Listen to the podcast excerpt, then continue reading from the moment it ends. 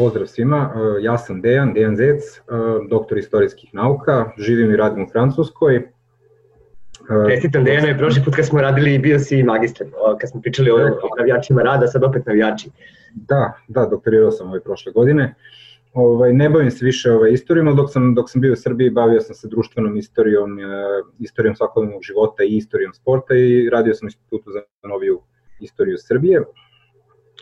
Ovaj, Dobro, navijači su ti uvek bili ovaj, uh, ovako da kažem, ajde, uh, strast neka, vezao si nauku i, i drugo prema futbolu, znam da ovaj, gledaš futbol i da, da navijaš, uh, pa, pa reci mi, eto, ovaj, A između ostalog, obzirom na to da, da bez navijača futbola i nema i da su oni ne samo sastav, nego, nego možda i jedan od najbitnijih delova, ovaj, delova sporta, da, uvek su mi bili zanimljivi. E, zato što kroz i kroz sport i kroz navijanje se mnogo toga može saznati o, o, o jednom društvu i o tome kako je to društvo u političkom smislu i u ekonomskom i u svakom, i u svakom drugom. Um, futbol kao sport i navijači su povezani sa svetom, oni oni prihvataju ono što se dešava što se dešava u svetu, onda oni to prilagođavaju nekim sobstvenim potrebama, željama, navikama, a, i prave nešto što je jedan amalgam, odnosno nešto što, što je opet unikatno. Tako da to je jedan jako, jako zanimljiv svet za istraživanje. Ako nas nije baš puno ljudi time bavilo, ajde tako kažem, na naučnoj osnovi, tako da je meni da, bilo to poprilično zanimljivo i, i bavio sam se time, time dosta. Dobro, uh, Maksimir 30 godina kasnije pažnju koji izaziva očigledno uh, spada u istorijski događaj. Ja bih voleo da u ovoj epizodi uh, uh, online podcasta sve u 16 uh, u nedelji kada se obeležava 30. godišnjica tog uh, meča, možda jednog naj, najpoznatijih mečeva koji nikad nije odigran, a pokušamo da, da, da mu zaista pronađemo mesto u istoriji, pošto je nazivan na, na različite načine i davana mu je svakojaka važnost i, i preterana i, i, i ovaj, kako da kažem, banalizovana. Umeđu vremenu, eto sad možda prilike sa 30 godina e, da, da, da, da ispričamo priču koja u tom slučaju počinje baš u Zagrebu. Ti, ti ste uh, rodio u gradu u kojem je odigrana, odigrana utakmica i posle toga uh, odselio, pa evo, ajde u nekom u nekoj najavi utakmice Dinamo Zvezda da nam kažeš kako je izgledalo odrastati i gledati ka Beogradu i Partizanu i Crvene zvezde. Ove, ne, zapravo nije bilo baš tako, ja sam rođen u Zagrebu, ali nisam živeo tamo, ovaj, majka moja je ovaj, poreklom iz Zagreba, potpuno se slučajno ovaj, zadesilo da, da, da sam tamo rođen, mada ja sam dobar deo detinstva, zato što mi tamo živeli baba i deda, sam proveo u Zagrebu, Kako je Zagreb gleda na, na Beograd i na, na, na kako, e, da li je postojala razlika u odnosu prema Crvene zvezdi i Partizanu? Pa, ovako, postojala je ta razlika u smislu što koliko god to se zvučalo klišeizirano, u suštini jeste Crvena zvezda negde viđena prosto kao, kao ono što je pandan Dinamo. Odnosno, odnosno ako bi se Dinamo identifikovao kao nekakav jeli, hrvatski klub, onda bi to Crvena zvezda bila na srpskoj strani. Partizan prosto nije bio u nekoj svojoj suštini nije bio pogodan za takve identifikacije, zato što je bio klub koji je bio predusretljiviji i bio je otvoreniji za druge i takav je prosto njegov etos. Mislim, od uvek i on, on prosto nije bio pogodan za to, iako je ovaj, i među Srbima, među Hrvatima, ovaj, manje među Hrvatima. Naravno, bilo ljudi koji su navijali i za Partizan i za, i za Crvenu zvezdu. Ali da, Crvena zvezda je recimo bila kao taj neki što bi se reklo na engleskom the other, znači ovaj, onaj koji je sa druge strane uh, ogledala. Uh, međutim... Ajde, pričamo o Crvene zvezdi i, i Dinamo, ali uh, iskoristit ću priliku uh, da pitam nekoga ko bi to po prirodi stvari morao da zna. Da li je Partizan zaista osnovan u Zagrebu? Ja sam video ploču na, na zgradi na koje, na, gde piše da je te, tog i tog datuma te i te godine osnovano, ali evo ajde da pitam tebe, ovaj, da li je to mit ili, ili istina? Ne, Partizan je osnovan 4. oktobra ovaj, 45. godine u Beogradu, ali ideja o osnivanju partizanskog, odnosno zovimo ga vojnog kluba, odnosno kluba Jugoslovenske armije postoji mnogo duže što je neka ideja koja je provejavala još 42. 43. godine da jednog dana kada ovaj kada zemlja bude slobodna, ovaj kada bude se organizovao ponovno sportski život, da je prosto neophodno da iz, iz te um, jeli, slavne tradicije narodno-slobodilačke borbe treba da nikne jedno, jedno sportsko društvo, ali formalno i oficijalno Partizan je osnovan u Beogradu, ali nije to ono što je bitno za Partizan i da je osnovan u Zagrebu ili da je osnovan, ne znam, u Ljubljani, bilo bi potpunosti isto. On je, on je vezan za tu jednu tradiciju i za ljude koji su tu tradiciju ovaj baštinili. Dobro, znači je slučajno izabrana utakmica Dinamo Zvezda kao ona u kojoj bi ovaj, a, eto, možda trebalo izazvati a, kako se, kako se to kaže, osjećaj mobilizacije, domoljublja i tako dalje. Mislim da je to bilo ovaj, prilika da se da, da, da e, najvatrenije pristalice e, među nacionalistima novim, budućim i onima koji bi sutra krenuli rat da se okupi na jedno mesto. Pa, znači sama utakmica ima neku svoju predistoriju i u, i u, i u političkom i u, i u navijačkom jeli, smislu i u futbolskom smislu, što je jeli, potpuno, potpuno je sumano tijeli da tome govorimo poslednjem, ali ovaj... Dobro, kao titula je bila rešena i ovaj, e, znalo se ko će biti šampion, da, Dinamo znao da će biti drugi, ali uvek je bio derbi, da? Jeste, pa ne samo što je bio derbi, nego treba, treba, ovaj, treba opet e, posmatrati celu tu sezonu i, i, i zaključiti da je Dinamo bio izuzetno, izuzetno jak tim i da je bio izuzetno opasan rival tokom dobrog dela sezone Crvenoj zvezdi i postoji, znači, ajde da kažem u tom sportskom smislu, jedna velika žal kod navijača Dinama što na kraju nisu uspeli da, da ozbiljnije ugroze, ugroze zvezdu, za, zvezdu za, za, za titulu, ali da, znači do te utakmice titula već bila, bila rešena, ali Dinamo pokazuje da je posle zvezde verovatno sigurno ovaj najbolji i najopasniji tim u zemlji, znači to je jedna dimenzija. Utakmica druga dimenzija je politička, ne treba zaboraviti da je ovaj da su upravo u tim trenucima, znači pre te utakmice, da, da su održani prvi više stranački izbori u, u Hrvatskoj. 6. maja je, bil, je, je bio drugi krug, a 13. maja utakmica, tako to je vikend pre toga je, je HDZ odneo pobedu. HDZ je odneo pobedu i... I to ubedljivo, ja mislim 205 da mandata na 350 i nešto. Tako. Jeste ubedljivo kad se gledaju mandati, ali kad se gledaju glasovi ne baš toliko, ali u suštini jasno je, jasno je bilo ko je pobedio, ovaj, ali ono što je zanimljivo u ovoj priči je to što su ovaj, navijači Dinama, ovaj, Boysi bili pre svega veoma aktivno angažovani u, u predizbornim aktivnostima HDZ-a, tako da su u trenucima kada ta utakmica se igra, oni između ostalog proslavljaju i jeli neku svoju političku, a, političku pobedu. A, I postoji treća dimenzija koja je opet vezana za, za tu političku, a to je činjenica da samim time što je došlo do, pro, do, do promene vlasti, menja se odnos tih vlasti, pa čak i onih koji nisu, koje nisu još uvek smenjene, prema, prema nekakvim društvenim akterima kao što su recimo navijači.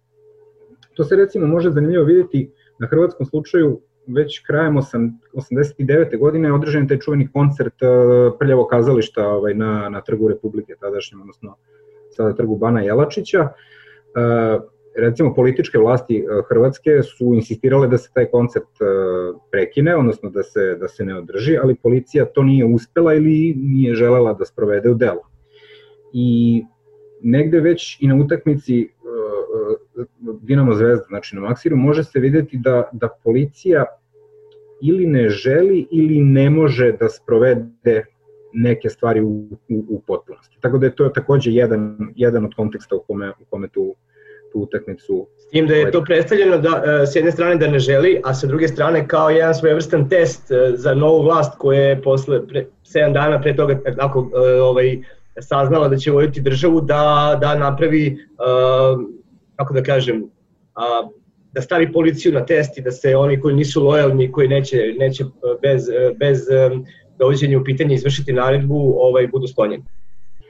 Može i tako da se posmatra, ali je, meni, ono što je meni zanimljivo je, obzirom na to da utakmice, takve utakmice visokog rizika, sa, da se procenjivalo da može da dođe do, do sukoba navijača, ovaj, su jedna uprilično redovna pojava još od sredine 80-ih, i prosto postoje protokoli, ono uprava javne bezbednosti bilo kog grada zna tačno šta treba da radi kad se takva utakmica igra, da ko treba da prati navijače, ko treba da obezbeđuje stadion, ko treba da, da bude u kontaktu sa organizatorom utakmice, ko vrši proveru, ko gde koga čeka, ko gde koga prati, ispraća na kraju. ovaj, ono što je simptomatično, što je zanimljivo, da sve te, svi ti protokoli, sve te procedure jednostavno nisu sprovedene na adekvatan način na, na, na ovoj utakmici. Sad postavlja se pitanje da li je to urađeno namerno ili, ni, ili, je, ili prosto ili je pitanju nekakva nekompetencija, ali to, to je nešto što još uvek ne možemo da znamo. U tom trenutku, naravno, štampa i srpska i hrvatska ima različite verzije ko je kriv, ovaj, ko, je, ovaj, ko je napravio propuste, ko je namerno ili slučajno dozvolio da do toga dođe, ali u suštini neke objektivne ono, podatke još uvek. Šta, šta bi bio naj, e, najpribližniji broj navijača Crvene zvezde tog, tog dana i odakle su oni sve dolazili, osim onim čuvenim vozom ka Mihinu koji je stajao u Zagrebu, pa gde su napravili mali manevar, izašli e, e, njih oko 500, koliko sam uspio da čitam, a ispred Zagreba, ne, ne želeći da se, da se iskrca na gradskoj stanici gde su znali da, čeka, da ih čeka, čeka policija i onda kroz e, pregrađe koje se zove Trnje ovaj, krenuli peške prema stadionu i tu je zapravo počeo, ovaj, počeo onaj navijački deo sa skandiranjima, razbijanjem automobila i prvi, prvim tučama. Um, koliko je na kraju navijača Zvezde ušlo na, na, na, na tribine. Moram da budem iskren da sa, sa tačnim ciframa ne stojim baš najbolje, koliko se Ide od 2 do 3 hiljade, pa dobro. Da, 5 hiljade je recimo došlo, ovaj, je, je na kraju bilo na stadionu i to opet po, po proceni ovaj, ljudi iz Zagrebačkog supa, zato što nisu svi bili na, na, na južnoj tribini, bilo ih je raštrkanih i na, i na drugim tribinama. Koliko ih još došlo u grad, a nisu uspeli da uđu, ovaj, ne znam, ali pretpostavljam možda još 500.000 preko toga. Najviše ih je naravno došlo iz Beograda, kao što si malo pre rekao, ali dolazili su uh, iz Severne Bosne, dolazili su i iz drugih hrvatskih gradova. Neki su uspeli da dođu, neki su, neki su bili sprečeni, pokušali su iz Knina da dođu, mislim, vozom, ali je taj voz zaustavljen dosta stvari se, se, se ne sećam, ali svakako bila mobilizacija da, da što više ljudi ovaj, koliko je moguće dođe. Ono što je zanimljivo da sa hrvatske strane nije, odnosno sa strane navijača Dinama nije postojala takva mobilizacija, odnosno da nisu organizovani dolazak na stadion i, i ako se gleda recimo ovaj, istočna i zapadna tribina, možete vidjeti da one nisu baš 20.000 ljudi je bilo, a, da. a kapacitet je 35, tako? Jeste, jeste. Ovaj, opet koliko je meni poznato nije bilo ograničenja od strane ni od strane uprave Dinama ni od strane gradskog supa u, u tom broju, znači Maksimir jeste bio i tada olupina, ali u suštini mogu da primi mnogo više ljudi, tako da sa hrvatske strane očigledno nije postalo neko baš preveliko interesantno, što je s jedne strane logično obzirom na ovaj na to da je titula... Ovaj... Se složim da nisam bio na, na, na ružnijem stadionu ovaj, u životu, A, od Maksimira iz polja i iznutra, ali, ali dobro. Kada je, a kada je napravljen bio je ali u suštini ruina koja, koja, u kojoj nije investirano jako, jako dugo i onda na kraju ispadne tako kako ispadne. Da, znači tada je bio užasno ružan, sada ja ne znam ni na šta liči, ne smem ni da zamislim. Pa sa one četiri odvojene tribine, kao neki kompleks grada i ono igralište za decu između. Tako, da, vidio sam, da, vidio sam, vidio sam neke projekte da su oni sad, oni mislili da to ukopavaju još, ne, ali dobro, pitanje on je bio, to je bio megalomanski projekat, on kad je završen, to je, on je bio ogroman, on je imao neki 60.000 ljudi, ovo je to, mislim što je za Zagreb fantastična cifra, mislim 60.000 ljudi, stvarno, ovaj, ali eto. Da te pitam za, za tu, ajde, idemo ka polako ka početku utakmice, uh, u danima pred meč uh, Bad Blue Boys se najavili da će prekinuti ne samo utakmicu, nego i celo prvenstvo, ali to nije objavljeno nigde, ni, bukvalno ni u jednom mediju. Uh, pa pretpostavljam zbog toga što, što je i klub uh, Dinamo uh, dao uveravanja i, i Zagrebačkoj policiji i Futbolsko savjez Jugoslavije da do toga da do toga neće doći. Ja se opet vraćam na onu na, na ono čemu smo pričali a vezano je za tu operaciju stadion, odnosno vezano je za to kako su pripadnici službe državne bezbednosti Hrvatske presluškivali i pratili navijače. Jako je zanimljivo da uprko svoj mitologiji koja danas postoji o toj utakmici, oni nisu zabeležili te u maju 90. godine nikakve pojačane aktivnosti u samoj organizaciji Bad Blue Boysa, odnosno nisu uspeli da uhvate ništa što bi nagovestilo da, da se bilo šta ozbiljnije nego što e, sprema na, na toj utakmici nego što se dešavalo i ranije. Ja sam negde sklon tome da, da, da poverujem e, zato što za prekidanje utakmice na u, u takvim okolnostima, na tako lošem stadionu, u, u, u situaciji u kojoj a, onaj ko organizuje meč to ne radi na najbolji način, nije potrebna bog zna kakva organizacija. I generalno naši navijači i Bad Blue Boys i, i, i svi ostali, ako izuzmemo možda Delije 89. 90. 91. godine, nisu nikakva posebna, bog zna kakva organizacija. Znači, ovaj, to su ljudi koji teško da mogu da organizuju nekakve ozbiljne diverzije ili, ili ne znam ja šta, tako da sklon sam da poverujem da su te najave prekida utakmice prosto nekako ono ne hvalisanja, ali, ali najava da će, da će ono, da će se ponašati na određeni način, ali ne najava nekakve, nekakve ozbiljne diverzije ili nekakve, uh, bog, bog zna kako ozbiljne, ozbiljne akcije. I, i negde potpuno je logično da, da ne želeći da uznemiravaju javnost ili da prave paniku ili da dovode do toga da se šampionat prekine jer to ne bi bilo nikome ovaj, u interesu. Apsolutno razumem zašto ovaj, takve vesti nisu prenete. A reci, reci mi, uh, Franjo Tuđman, Tuđman uh, ceo njegov život je uh, isprepleten sa futbolom i, i, mm. i na više načina je uh, pokazivao da, uh, da je to i instrument važan, a i njemu, eto, ovaj, verovatno poligon gde bi, gde bi mogao da uh, primeni e, različite metode upravljanja, uh, pa čak i promene istorije kluba, u Dinamovom slučaju. A reci mi, kako to objašnjavaš i, i da li je Franjo Tuđman voleo futbol ili, je, ili, ili, ili mu je bio potreban futbol, pogotovo u smislu simbolike rađenja nove države i buđenja svesti. Klubovi su uvijek bili ti koji su imali stabilnije a, a, simbole koji su se poštovali a, za života, tako, ovaj, čovjek je mogao da menja i, i porodicu, i ženu, i veru, i političku stranku za koja je glasa i uverenja, ali, ali klub je uvek bio isti i poštovalo se mnogo više od drugih. On je to koristio prilično, prilično često i prilično jako. On je, on je ono što ja znam o njemu, a to nije baš nešto previše, čitao sam, ovaj, čitao sam možda bio, čitao sam njegovu biografiju koju je pisao Darko Rudelist, njemu je bio sport bitan, sport kao sport, on, on je mnogo više bio zainteresovan za, za tenis, tenis je igrao i u suštini on je, kad je u Beogradu bio, on je bio čelo teniskog kluba, ovaj, sad ne znam koliko mu je to bilo probitačno ovaj, dok, je bio, dok je bio u Jugoslovenskoj narodnoj armiji, obzirom da je tenis jedan prilično buržoaski sport i ovaj, da tako nije bio na, na, visokom, na visokoj ovaj, ceni u, u, u socijalizmu, ali on je svakako bio čovek koji je razumeo šta je populizam, ajde recimo. On je razumeo te masovne pokrete, pokrete političke i on je shvatao da da za neku širu narodnu podršku mora da mora da im ugađa u tom, znači mora prosto da prihvata nešto što je njima bitno ovaj, i da to promoviše. Ja verujem da on zaista bio navijač, što da ne, mislim, to, to, to skroz, ali, ali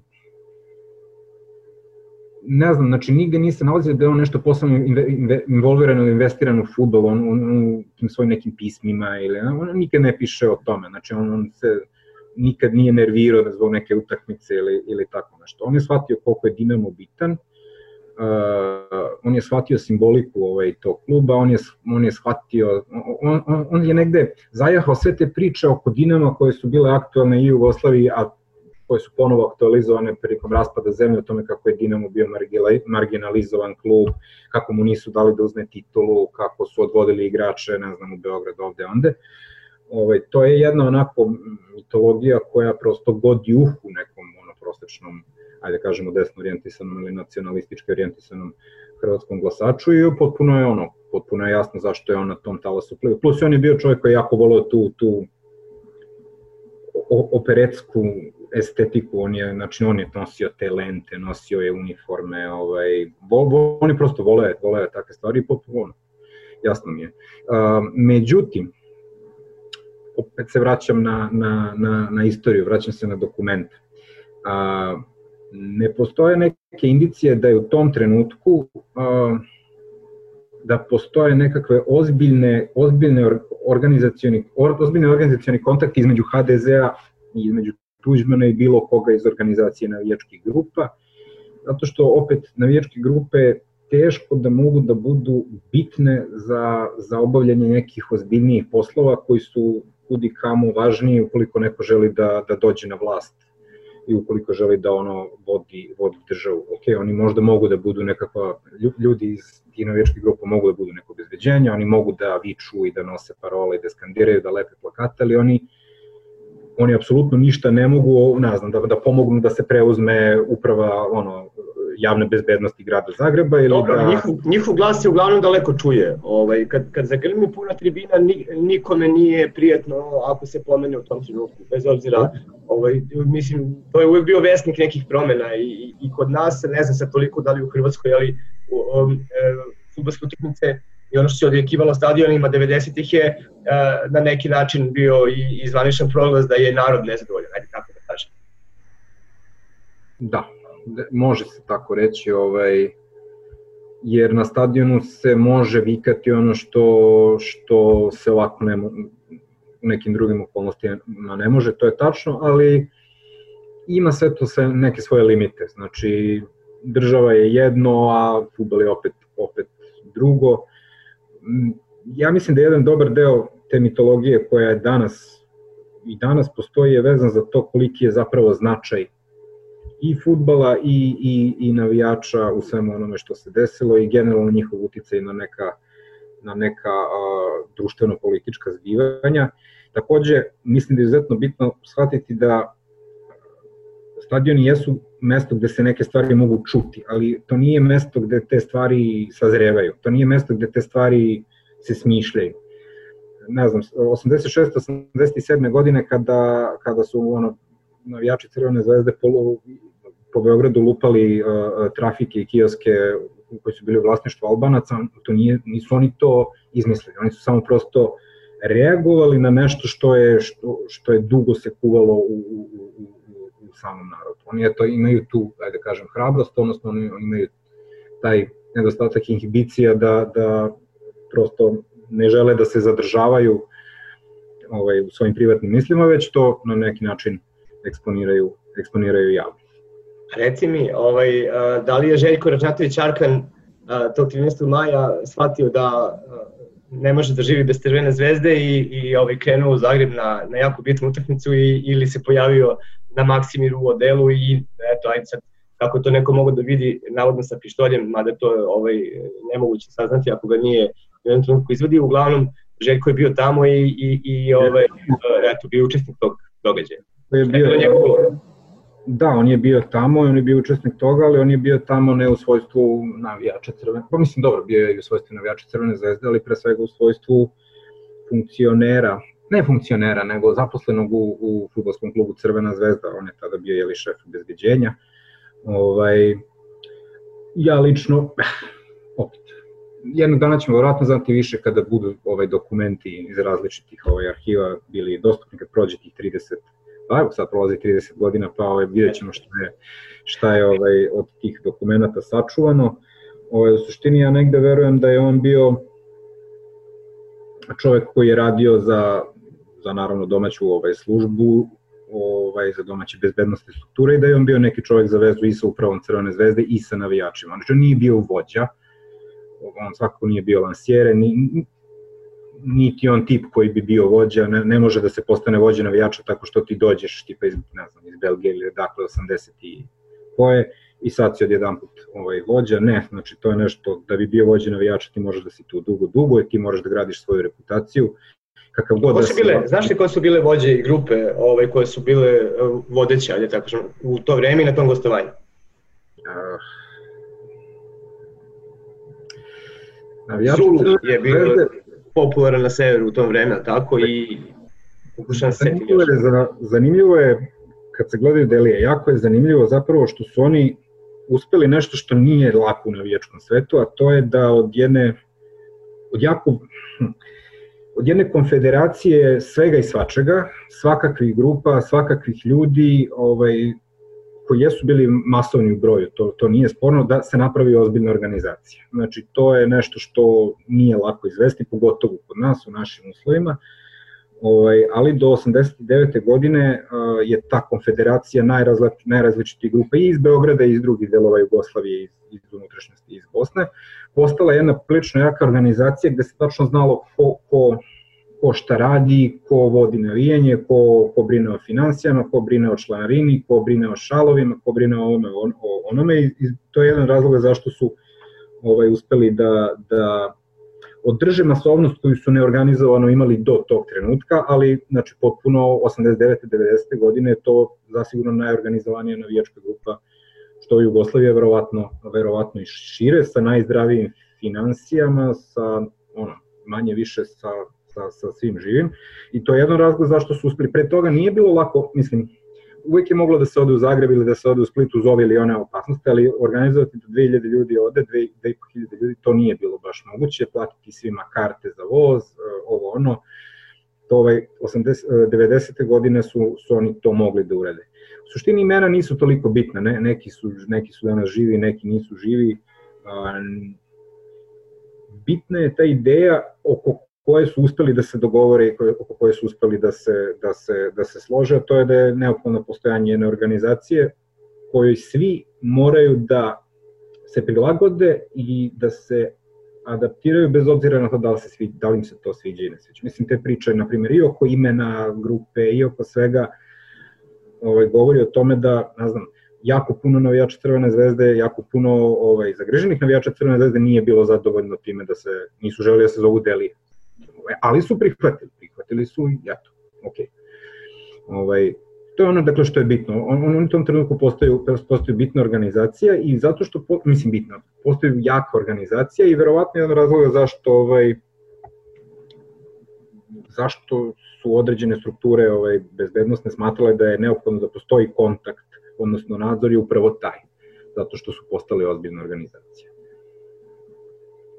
Dobro, um, malo po malo kroz, preko trnja, ajde da, ka, da kažem, uh, ušli su na stadion, policija je pokušavala pred utakmicu da ih drži u Maksiminskom parku, ali to nije uspelo, pa je bilo tuče po gradu, međutim ono pravo je o, počelo na stadionu. I sad mene zanima uh, šta bi bio tvoj odgovor u kvizu, da li je počelo bacanjem kamenice ka južnoj tribini, lomljenjem uh, reklama uh, na toj istoj tribini ili je počelo i pre nego što Ja bih rekao da je počelo pre nego što je počelo, zato što koliko je meni poznato, e, sporadične tuče manje intenziteta su, su, su se dešavale pareno sat, sat vremena pre, pre početka ovoga na istočnoj i zapadnoj tribini gde su bili ne pomešani navijači, ali gde je bilo dosta tih nekih navijača koji nisu došli sa grom ekipe iz, iz Beograda, znači prosto nek, neko, neko sitno tinjeviće nasilje je postojalo svo, svo to vreme I onda sama činjenica da, da nisu adekvatno bili ovaj odvojeni navijači Crvene zvezde, odnosno da, da su navijači Dinama preko istočne tribine mogli da im, da im priđu. U suštini, tu, tu se vidi da, da, da organizator utakmice, odnosno da policija nisu odradili dobro dobro svoj posao, znači da, da je postojao nekakav kordon na toj istočnoj tribini, da oni nisu mogli da preskaču one ograde, da, da se provlače ispod ograde, da, da jedni drugima Znači pre početka utakmice jedni trče do, uh, navijači Zvezde trče do, do severne tribine i obrnuto otimaju uh, pokušavaju da skide da skidaju zastave. U tom trenutku policija na terenu skoro da skoro da i nema. Koliko je bilo? 200 policajaca na 20.000 ljudi, da li to... Što je apsolutno, apsolutno ono, A mislim, posle 40, 45 ovaj, godina organizovanja a, utakmice i svega, ovaj, da dođe do te da da jedna takva ovaj, bude obezbeđena po znacima navoda sa 200 ljudi koji su uh, gledali šta se dešava sve do trenutka dok nije provoljen, uh, provoljena kapija i onda upotrebili šmrk, ali to je već bilo kasno. Tu, tu se postavlja to pitanje ovaj, da li je neko zaista htelo da, da li je neko zaista hteo da, da, da do toga dođe ili neko hteo da, da prikaže kako zagrebačka policija tadašnja nije ovaj, u stanju da, da organizuje utakmice uh, tog tipa ili, ili ono, mislim, Zagrebačka policija ima apsolutno ovaj, svo znanje, imala je svo znanje i, i sve mogućnosti da tu utakmicu organizuje kako treba. Mislim, godinu dana pre toga su organizovali Evropsko prvenstvo u košarci u kome je apsolutno je sve bilo kako treba, organizovali su, dolazili su ovaj, iz Beograda i godinu i dve, godinu, dve dana pre toga navijači, znači sve, sve se može kad se hoće. Pitanje je zašto ih je bilo samo, samo 200 i pitanje je kakva su oni naređenja imali. Mislim, kad, se, kad, se, kad se vidi kako je taj kako su bili opremljeni, oni uopšte nisu bili opremljeni za, za, da. za, za ovaj, razbijanje demonstracije. Uh, mislim, te scene su potpuno nadrealne, da se oni tu nešto vijaju, jure, sa, znači, ono, takve stvari, takve stvari u celoj toj, celom tom događaju to je zapravo negde naj, najčudnije i, i, i može da izazove najviše pitanja zašto je policija reagovala na tako ne, neadekvatan neadekvatan. Ono što je meni još kao klincu bilo, nije mi bilo jasno, premotavali su se to snimci, tada nije bilo YouTube-a pa smo morali da čekamo, ali bilo je na TV-u stalno otkud toliko tvrdih predmeta na stadionu? Ne, znači neko bi morao da odlomi nogom da zgazi na tribinu i da, da otkine parče betona da bi, da bi mogo da gađa. Ono je stvarno izgledalo ovaj, u jednom trenutku kao, kao na bojnom polju. To, e, s jedne strane, da, neko je to mož, neke, ne, nešto možda uneto, ali opet s druge strane, Maksimir je tada isto bio ruina i, i dosta tog betona se okrunilo, odlomilo, ovaj, te kocke neke betonske, mislim, na, na, na, koje su evičavale atla, atlatsku stazu su isto bile prosto tu, mm, ne znam, um, ne znam kako da odgovorim na to pitanje, vrlo je moguće da je neko organizovao i unošenje toga, ali opet verujem da je dosta toga bilo i na dohvat ruke, zato što je sam, sama infrastruktura stadionska bila, bila u jako lošem stanju i, i to se može vidjeti na onim snimcima, da to i tada još izgleda zapušteno i ronulo. Uh, I ovaj, a, mislim ono što sam ja bio na utakmicama po domaćim stadionima, ono, najmanji je problem naći komad, ono, mislim, bukvalno, ne znam, pre, pre deseta godina u Subotici, ja ne znam kako se nije urušio, kako se nije bukvalno izmrvio stadion, na šta to liči, tako da, ono, verujem da, je, da, da nije bilo teško pronaći na ovaj neki komad betona ili, ili cigle ili tako nešto sa, Dobro, futboleri Crvene zvezde nisu čekali mnogo da ovaj e, do trenutka kad su se povukli sa terena, mada je bilo i i i ovaj sprintanja i i stanjanja, navijači igrači Dinama su ostali a, i, i raspon se vas tuče u jednom trenutku, a, mnogo toga i ne vidimo, tako, mislim, sad kad se premotavaju snimci uvek može da vidiš jedan kadar, ovaj, e, i režiser je tu imao, se znao se za, za koga navija u svemu tome, ovaj, e, bar, bar po izboru kadrova u određenom trenutku, ali dogodio se jedan haos, e, E, iz kog je e, Zvonimir Boban e, izašao za Hrvate, odnosno a i za Hrvata i, i za navijača Dinama veći nego, nego što je ušao u tu utakmicu, iako je dovoljno veliki igrač, pa možemo da ispričamo malo priču o, o, o, o sceni sa policajcem koji se zove da. Fih Kašin Ahmetović. Da, ovaj, zanimljivo je to što naravno došlo je do toga da, da a, policajac je ovaj vijao navijače po terenu i u nekom trenutku je Boban prišao da zaštiti jednu grupicu navijača koji su, koji su u tom trenutku već bili dole, koliko, koliko se ja sećam, na, na zemlji, od toga da, da ih policajac više ne, ne udara i u tom trenutku policajac udara Bobana. Boban prvo ovaj, odlazi, pokušava da se skloni, ali onda se okreće ka policajcu, zaleće sjeli i i ovaj, šutira ga i obara ga na zemlju i sad to je, to je jedan od onih momenta koji uh, jeli, definišu nacionalnu, ovaj, nacionalnu revoluciju u Hrvatskoj ovaj, devet, početkom 90. godina. Ono što je... Eto simbola, tako, ono pominjamo. Da, bukvalno je, je bilo znači, potraga za novim simbolima i to je bilo to. To su majice, to su grafiti po Zagrebu i ok, mislim, to je, to je negde sve potpuno logično i nemam tu šta ovaj, da, da zamerim. Uh, ali ono što je zanimljivo u celoj toj priči je, je, je kako, kako je to ovaj, Zanimljivo u celoj toj priči da, da je posle Boban iz, izrazio žaljenje zašto je to uradio, da da je, pošto je obzirom na to da, je, da ga je Futbolski savez Jugoslavije suspendovao zbog, tog, zbog toga što je uradio na, ne znam nijakoliko par meseci, nije mogao da ide zbog toga u Italiju, da se on užasno zbog toga bunio i žalio, pa da je onda uprava Dinama se žalila zbog toga kakav je to način, pa nije bitno, mislim, jeste bitno to što se desilo, ali eto desilo se pa se desilo, zašto sprečavati najtalentovanijeg mladog futbolera u Jugoslaviji da, da učestvuje na mundijalu, onda je on posle igrao za reprezentaciju Jugoslavije, mislim. Pa svejedno bi igrao Sate Sušić, tako da ovaj, i da više da nije više, ovako ima ovaj, a dobro, to ćemo neki drugi put.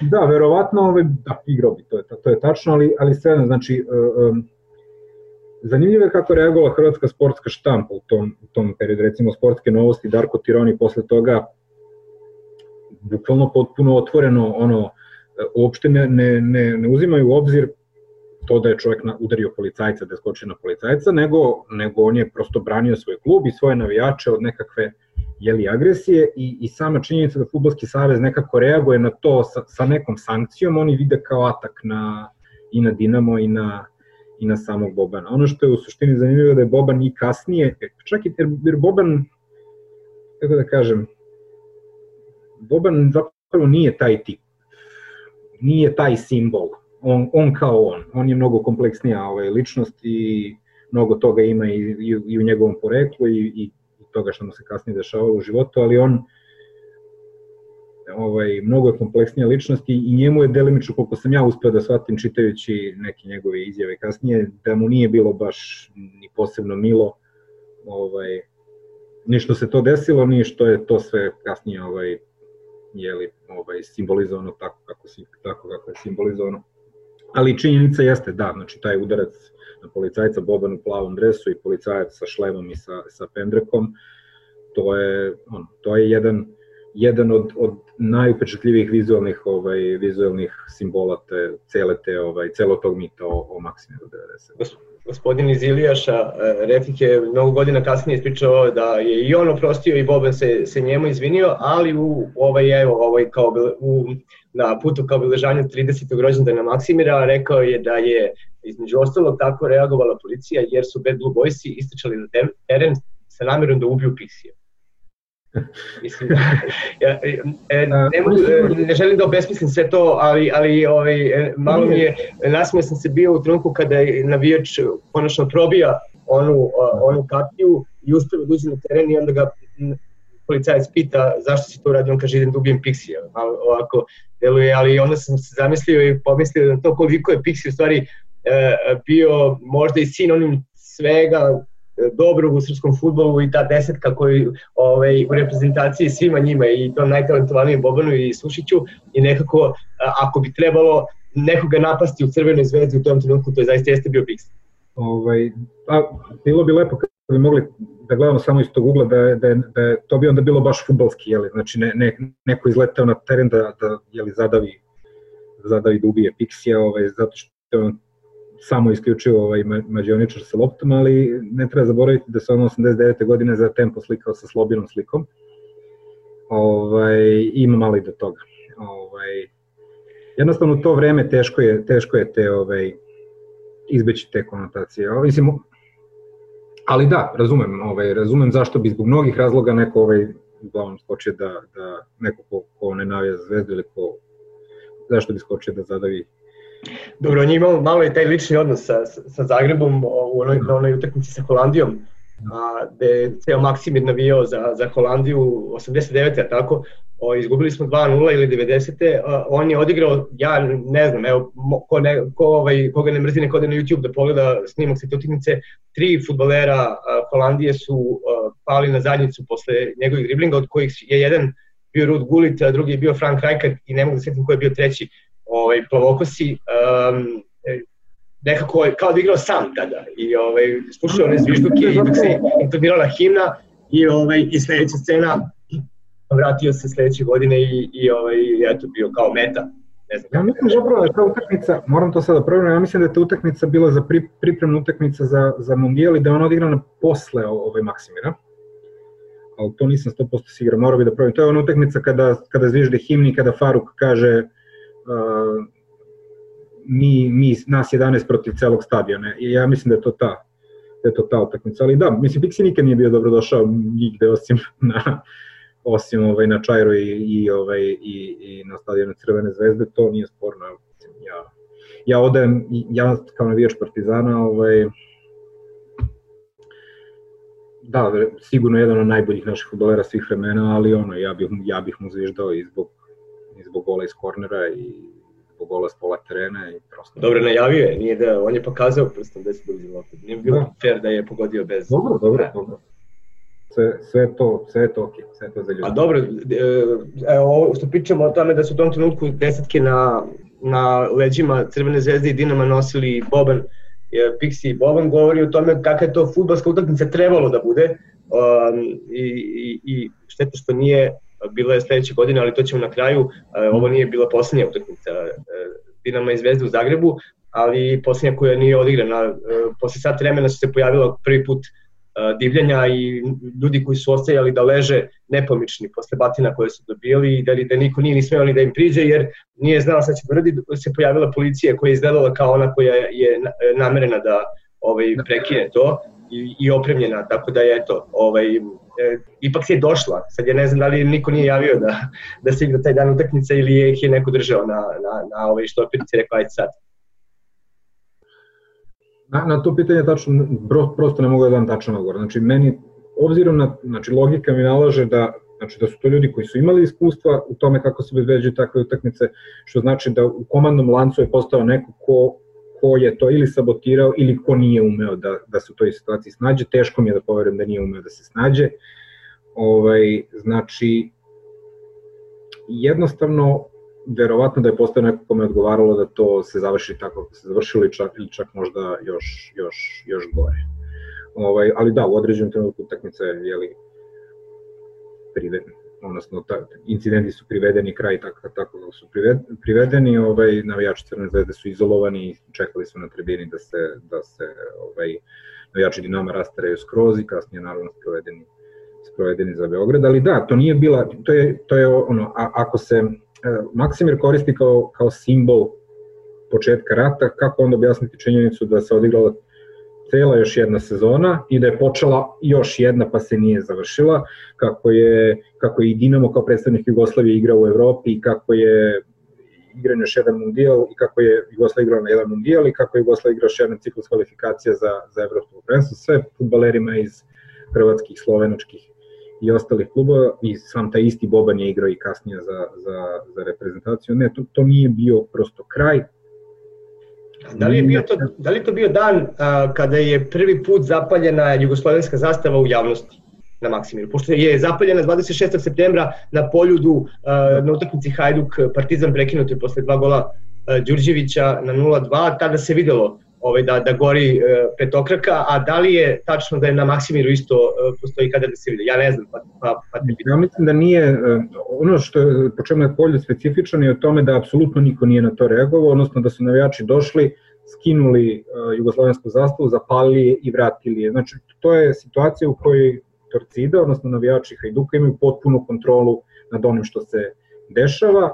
Nekakva policija za koja ja, ja, ja što sam gledao tih snimaka, zapravo uopšte ne sećam da je bilo kakve policije bilo i kada je Torcida na 2-0 izletela na teren, ovaj, nikakve policije nije bilo da njih tu zaustavi. Oni čak nisu ni jurili navijače Partizana, tu, ovo, futbalere Partizana, ne, koji su samo samo se pokupili i otišli sa Milanom Milutinovićem u, u slačionicu. Mi nisu ni njih jurili, nego su oni samo izleteli sa hrvatskim barjacima i sa torcidinim barjacima ovaj, prosto na teren. Na Maksimiru nije bila takva situacija. Na Maksimiru dalje postojala nekakva konfrontacija, odnosno nisu Edlo se bili ti koji su kontrolisali stadion. Znači, ja, ja ne sećam se nekakvih snimaka da je neko palio jugoslovensku zastavu koja je bila tu da. ne, kao oficijalna zastava. Ovo kao ritual jedan, kao, kao obred u tom trenutku, gde su svi koji su bili tu mogli da vide šta se dešava i, i eto, da, da, da, da, znači je vrlo verovatno da su da se na tribini palile jugoslovenske zastave, to zastave pa Saveza komunista, zastave Jugoslavije, pa čak verovatno i zastave Hrvatske sa petokrakom.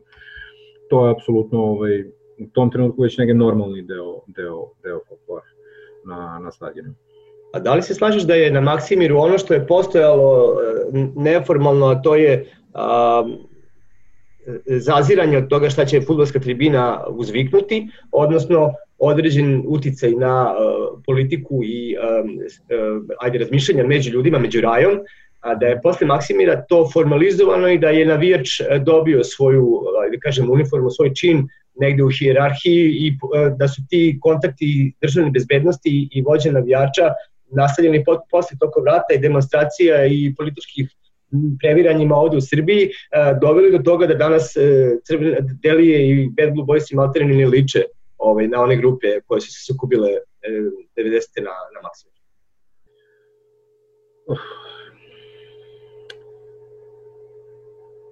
Pored, dobro, mislim, mnogo toga se desilo, ne samo vezano, ne samo što je specifično za Hrvatsku i za Srbiju, znači 30 godina je prošlo i navijačka grupa teško da može da liči na, na sebe od pre 30, 30 godina i, i Delimično... Znaš u smislu? U, u smislu da recimo, mi se čini čak i po pesmama i po snimcima sa starih utakmica a, Crvene zvezde da se više navijalo za, za klub, da se više pratila igra, a, da se više učestvovalo, da su pesme, odnosno, a, da kažem, u pesmama se pevalo ljubavi prema klubu, a da danas uh, se često događa da to izgleda kao jedan politički miting gde uh, um, ponašanje tribine i terena najčešće nema nikakve sinhronizacije i nikakve veze jedno s drugim i da se peva o drugim stvarima ko, koje su recimo 80-ih nisu mogle često da se čuju ovaj, ili uopšte da se čuju na tribini, da nekako ta politička angažovanost navijačkih grupa uh, danas daleko veća nego što je bila onda. Ja bih rekao da ako, ako gledamo tu političku angažovanost, da je krajem 80-ih i 90.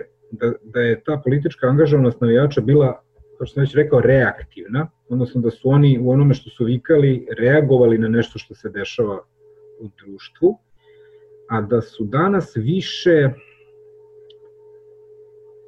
kako bih to rekao, um, involvirani, odnosno uključeni u neku neko osmišljavanje određenih političkih procesa ili političkih ideja. Znači, ne da su ideolozi, zato što nisu ideolozi, ne mogu, ne mogu oni to biti, ali ali učestvuju u nekom kreiranju određenih političkih narativa. Znači, mnogo su aktivniji u tom smislu nego što su bili ranije. Što opet ima nekog smisla zato što su danas bolje organizovani, imaju više, više novca, imaju već, više su medijski eksponirani. I futbola često i nema, tako, tako da... Ovaj... A futbola i nema.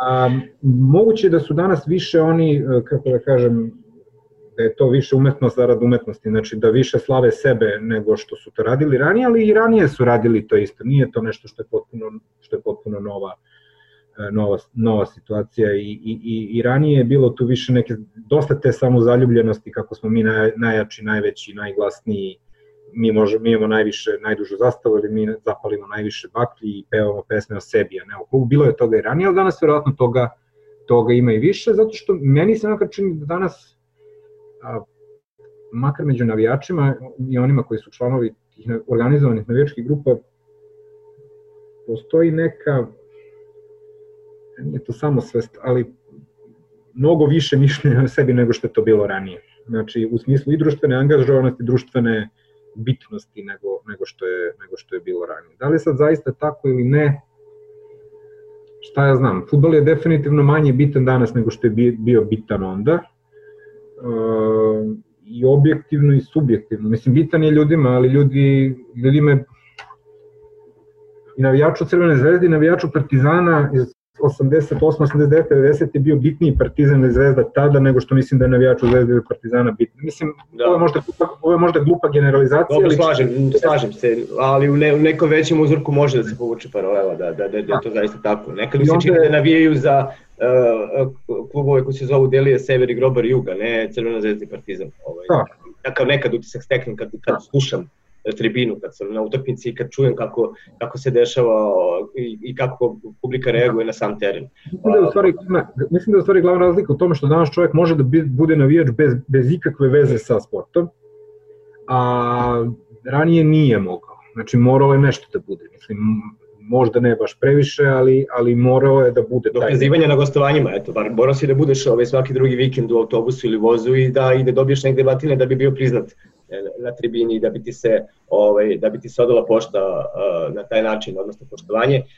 Um, Crvena zvezda i Dinamo nisu imali previše poštovanja uh, jedno prema drugom kroz istoriju, a u poslednjoj utakmici se dogodilo da uh, Crvena zvezda posle dve pobede te sezone, 3-1 kod kuće i 1-0 u Mostaru na nekom tradicionalnom turniru u februaru, do, ponovo dolazi na Maksimir pred kraj, ponovo sa već osvojenom titulom, Altene pred Bari i um, ponovo u prisustvu Franje Tuđmana vodi 2-0 u 14. minutu gde je Darko Pančev dao oba gola i to je već ovaj, slutilo otprilike na jednu ne, već ozbiljnu neprijatnost e, svima koji su došli taj, taj dan na tribine. Međutim, ja mislim prvi put u, u, ne znam, ta generacija sigurno ne, ne se dalje gubila u jugoslovenskom prvenstvu posle vojstva 2-0, uglavnom završeno je 3-2 i onda je mnogo godina kasnije Robi Prosinečki rekao da je zatraženo da se ta utakmica izgubi, odnosno da Dinamo pobedi, a Ljubko objasnio da to nije bila odluka um, futbolskih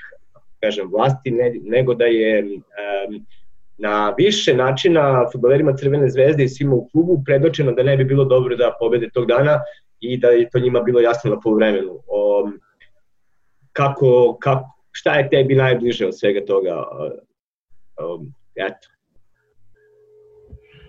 da budem iskren, pojma nemam, ne bi me čudilo obzirom na ta, da su takve stvari postojale, ovaj, nisu bile nekarakteristične za, za naš futbol. Ovaj, da li je sad motiv bio taj da je neko njima pretio pa, pa ono kao nećete se izvući živi ako u to ne verujem, baš jer to bi zaista bio loš PR za, za, i za tog Tuđmana i za, i za, sve, i za sve koji su bili tamo. Nemam, po, ne znam, nije, nije isključeno, ali ovaj, ne znam ko bi mogao to da im sugeriše.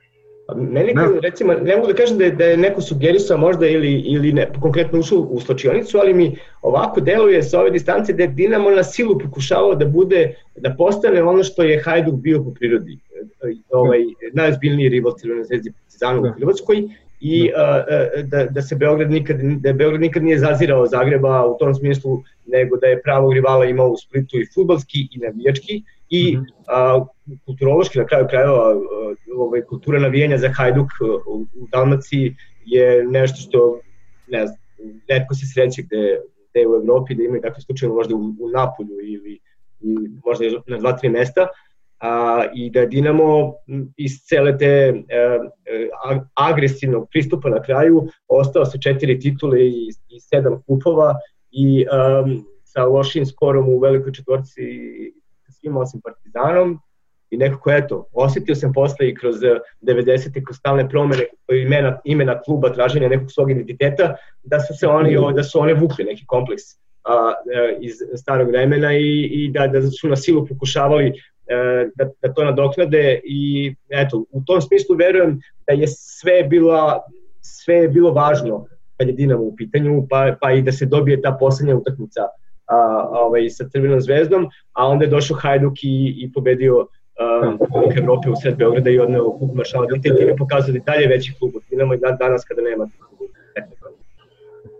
tako kaže. Dobro, ovaj, taj, taj, taj poslednji kup, to je, to je tek posebno, posebno zanimljiva priča. Ovaj, pa ne, ne znam što da ti kažem na to, znači možda ima nečeg i u, i u tome da što bi opet podrazumevalo da je neko u Crvenoj zvezdi ovaj, bio, bio spreman da na to pristane ili da je bio deo takvog nekog promišljenja, odnosno takvih nekih dogovora, što opet nije nemoguće, naravno. Ne znam, um, identitet Dinama...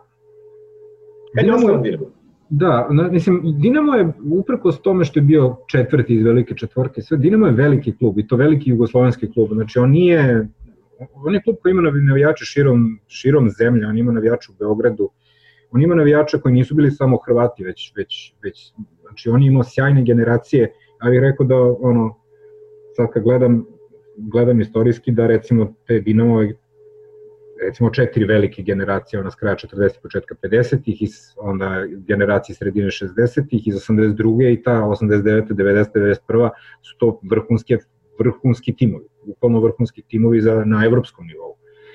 Ovaj, to što oni, za razliku od, od recimo od ostale tri kluba velike, ovaj, velike četvorke, o, oni su imali jako, jako velike te rupe.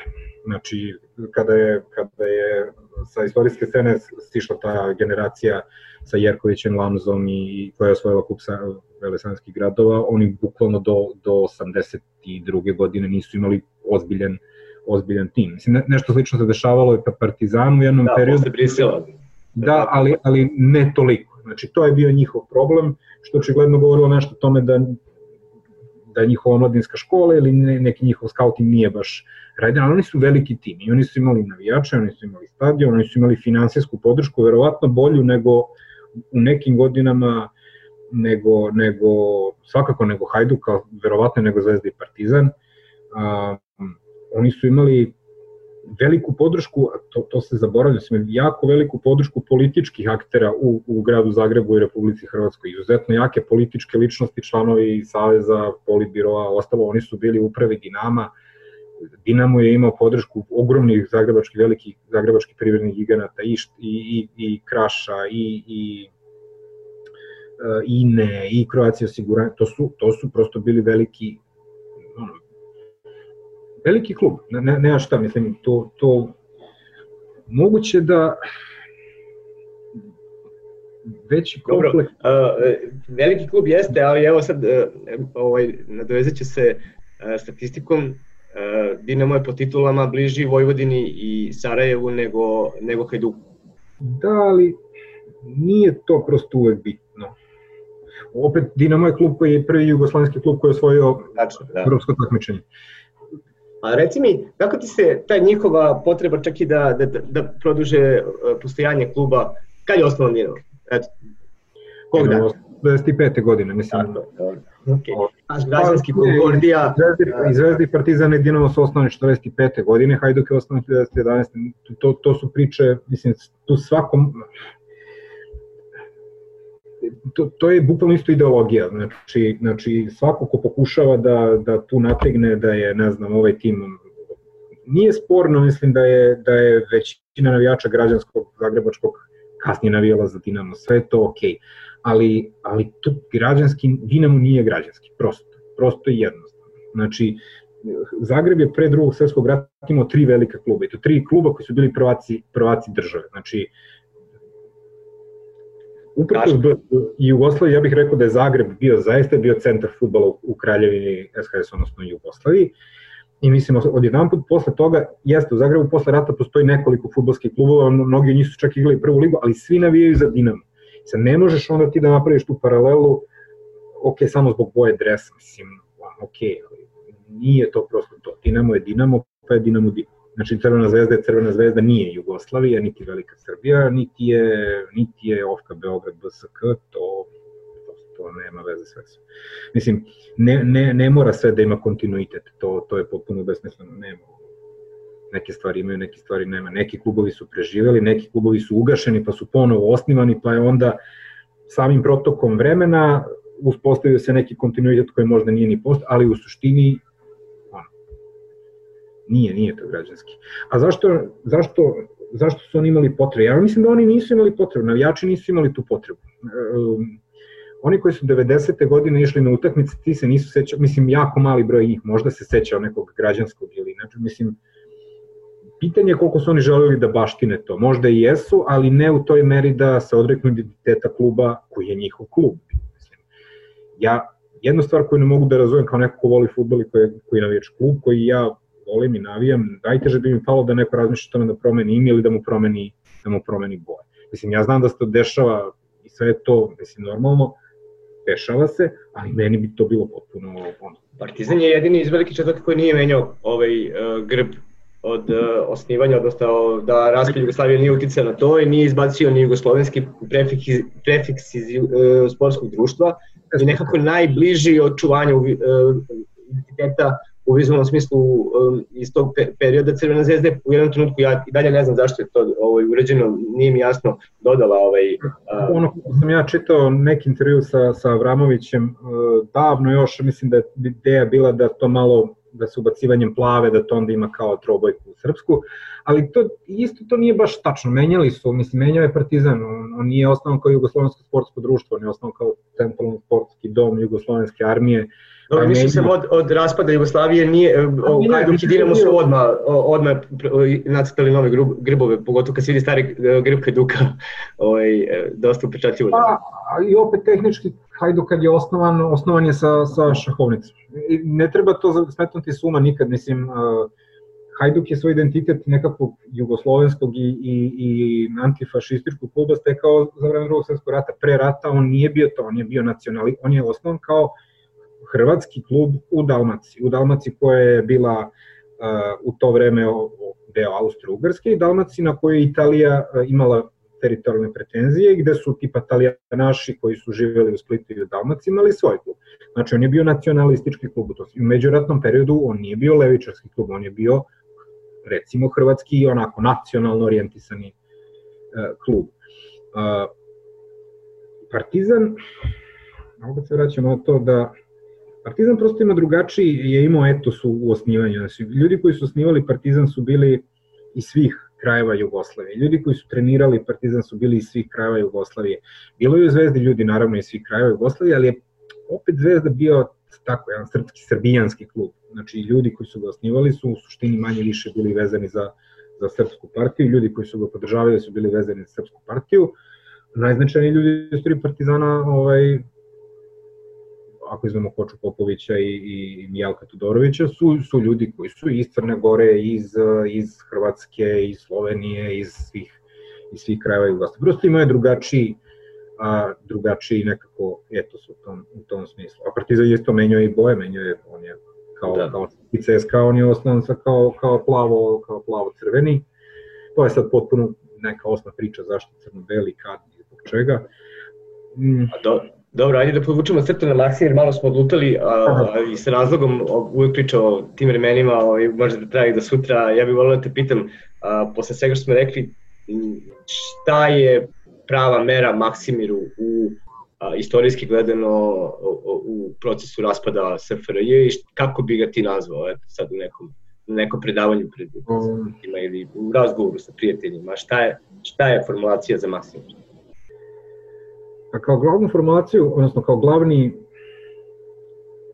ako bi gledali koji je pravi značaj, istorijski značaj ovaj, toga što se desilo u Maksimiru u maja, maja 90. godine, ja bih rekao pre svega da je to prvi put kada je država ispala nemoćna da, da spreči tako nešto na, na, tom, na toj skali.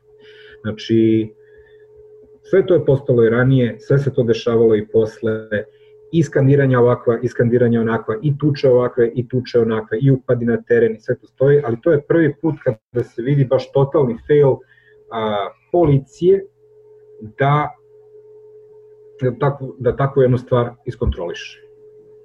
Da spreči da ovi dođu u Zagreb, da spreči ove da upadnu na teren, da spreči konfrontaciju, da spreči na kraju krajeva da ta slika a, da ta slika ode u javnost. To je isto jedan jako bitan aspekt. E, prethodni navijački obračuni imali su nekakvu vidljivost u javnosti, ali ovo je prvi put da je, to, da je ta vidljivost bila na nivou Heysela, znači da se to prikazivalo svaki dan po ceo dan, da je tome pridat opet malo, pa, mislim opet paradoksalno obzirom na činjenicu da srećom niko nije poginuo i da na kraju krajeva čak i taj ovaj ceo saldo destrukcije i povrede i ostalo nije bio toliko strašan, nekako je disproporcionalno ovaj, to odjekivalo javnosti i znači to je negde prezentovano upravo u tom nekom apokaliptičnom svetlu predstavljeno kao, kao, kao kraj, kao kraj svega, iako objektivno nije bio kraj. Znači, to je ta, to je ta jedna dimenzija za koju bih ja rekao da je negde, negde najbitnija. Meni se dopala formulacija da je Franjo Tuđman dobio izbore 6. maja, a preuzeo vlast 14. maja. Uf, formalno. O, to je tek komplikovana priča. Ovaj, recimo da recimo da, da se može smatrati da je, da je ovaj nekakva kapitulacija zagrebačke ovaj policije, odnosno tog da, mislim kapitulacija, odnosno da je performans zagrebačke policije tog dana bio veoma indikativan u tome da li će te stare strukture Saveza komunista Hrvatske ovaj, se boriti za vlast sa, sa onima koje je pobedio ili ne. Mislim, ne mogu direktno to da povezujem zato što nemam prosto dokaze, ali da. negde u, u tome, na, na, kad se gleda kako je Zagrebačka policija reagovala na to, može se prosto vidjeti da oni prosto odustaju. Znači, odustaju od toga da brane da brane stari sistem, da brane, ok, znači prihvatamo pobednika, prihvatamo nove, novu realnost, prihvatamo novi sistem, ajde sada da vidimo šta će. To se na kraju pokazalo kao je tačno. Kao, nisu, nisu ovaj Hrvatsku državu nezavisno, nezavisno ni bez, bez konotacija je ovaj znači nisu ovaj samostalnu hrvatsku državu napravili ni ni ovaj migranti iz Kanade, ni ovi ni oni, nego su napravili isti ljudi koji su 40-50 godina ovaj bili u svim strukturama te iste ovaj te iste države u periodu socijalizma. O, I to je negde otprilike po meni naj, najbitnije. A simbolika, ok, mislim, um, le, le, mislim, nije lepo, ali je upečatljivo i ja razumem zašto se to koristi. Ovaj, da, svidela mi se ta, ta ova metafora o ratu koji je počeo 90. na Maksimiru, završio se isto na Maksimiru 97. Ali, ali nema to neke veze sa, sa, sa, sa pravom, ovaj, sa pravom realnošću. Ah, eto. Nek ostane na tome da je, da je simbolički bitno, a, a istorijski gledano jeste bitno, ali ne toliko koliko se ovaj koliko se, koliko se predstavljalo poslednjih 30 godina. Meni je bilo jako zanimljivo, a pretpostavljam da će i kolegama e, i e, ljubiteljima futbola iz Srbije, a iz Hrvatske biti zanimljivo poslušaju ovaj razgovor. E, deo ćemo objaviti u tekstu na Mondu danas, sutra i preko sutra. Ceo, ceo video pogledajte čim izađe iz montaže, sad, ću, ovo, sad ćemo vidjeti koliko će ovo potrebati. Deki, puno hvala ovaj, što, si, što si govorio za Mondo iz Francuske kad bude bio sledeći put ovako da prilika da se da se neki događaj ovaj izvadi iz iz podruma, ovaj nadam se da ćemo se ponovo videti. Uživao sam i ovaj idem dalje da da da da pripremam ovaj mali specijal o 30. rođendanu Maksimira. Znači, hvala tebi puno i meni je bilo ovaj, drago da, da, da mogu da pričam ovaj, o ovoj temi bilo mi jako zanimljivo i vrlo rado ovaj, kad god ovaj, želiš da pričamo o nečemu o čemu znam ovaj, ne pretvaram se. Dobro, dosta si ti ograđuješ, ja to razumem, ovaj, tvoja uloga, ne. ne možeš da pričaš stvarima koje, koje nisu, ovaj, koje do, ulaze u, u domen. Da, to, je, to je prosto ono, obzirom da se javim naukom, onda moram, ne mogu da, teško mi je da, da, da, spe, da spekulišem ponekad, prosto moram da se držim malo i ove, onoga što je dostupno kao, kao građe, kao, kao dokumenti. Imam par članaka jako zanimljivih ljudi koji su se bavili baš temom Maksimira i koji su se bavili navijačima, ovaj, pa ću ti poslati ako te zanima, ovaj, može da... Vrlo rad. Ovaj, da čitaš pa, eto. Hvala. Uh, Bićemo na vezi, pozdrav. Kaži, svako dobro, čao.